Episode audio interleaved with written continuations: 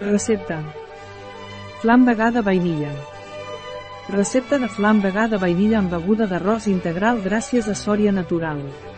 Postres saludables i vegans, sense lactis. Postres vegà que podeu cuinar en menys de 30 minuts.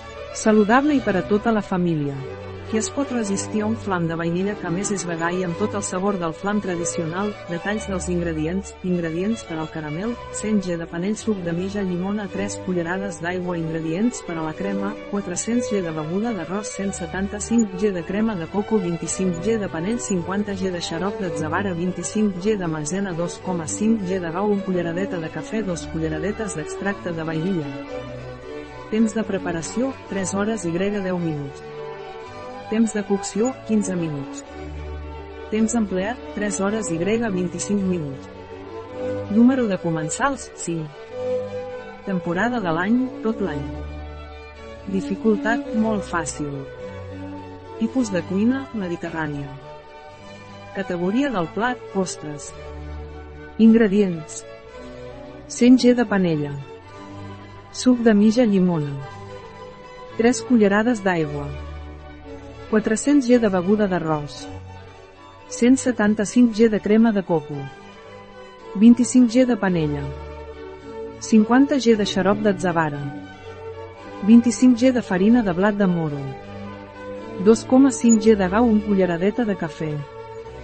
2 culleradetes d'extracte de vainilla. Passes. Pas 1.